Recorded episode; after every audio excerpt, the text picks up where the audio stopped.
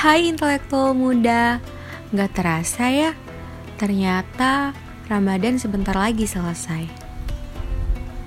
Mungkin untuk sebagian intelektual muda, Ramadan tahun ini nggak ada bedanya dengan Ramadan tahun lalu. Tapi mungkin untuk sebagian intelektual muda yang lain, jelas Ramadan tahun ini berbeda dengan tahun lalu. Dimulai dari kembalinya sistem perkuliahan tatap muka, hingga menjalankan ibadah puasa jauh dari keluarga. Ada yang kebingungan untuk makan sahur apa, hingga kesiangan dan bangun di waktu duha.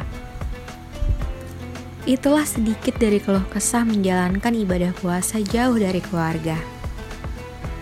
Tetapi, ada hal yang membuat kita semua bahagia di tahun ini, yaitu bisa merasakan kembali ke kampung halaman atau biasa kita sebut dengan mudik. Merasakan kembali bertemu sanak keluarga yang setelah datangnya pandemi kita tidak bisa merasakan apa itu mudik beberapa tahun lamanya. Lebaran hanya sebatas bertatap muka melalui panggilan video ataupun video conference yang tidak ada apa-apanya dengan kebiasaan kita berjumpa dan bersua.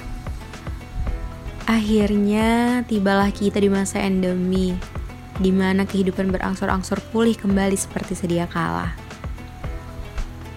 Selamat menjalankan ibadah puasa intelektual muda bagi yang menjalankan, dan semoga selamat sampai tujuan bagi kalian yang sedang di jalan untuk bertemu keluarga.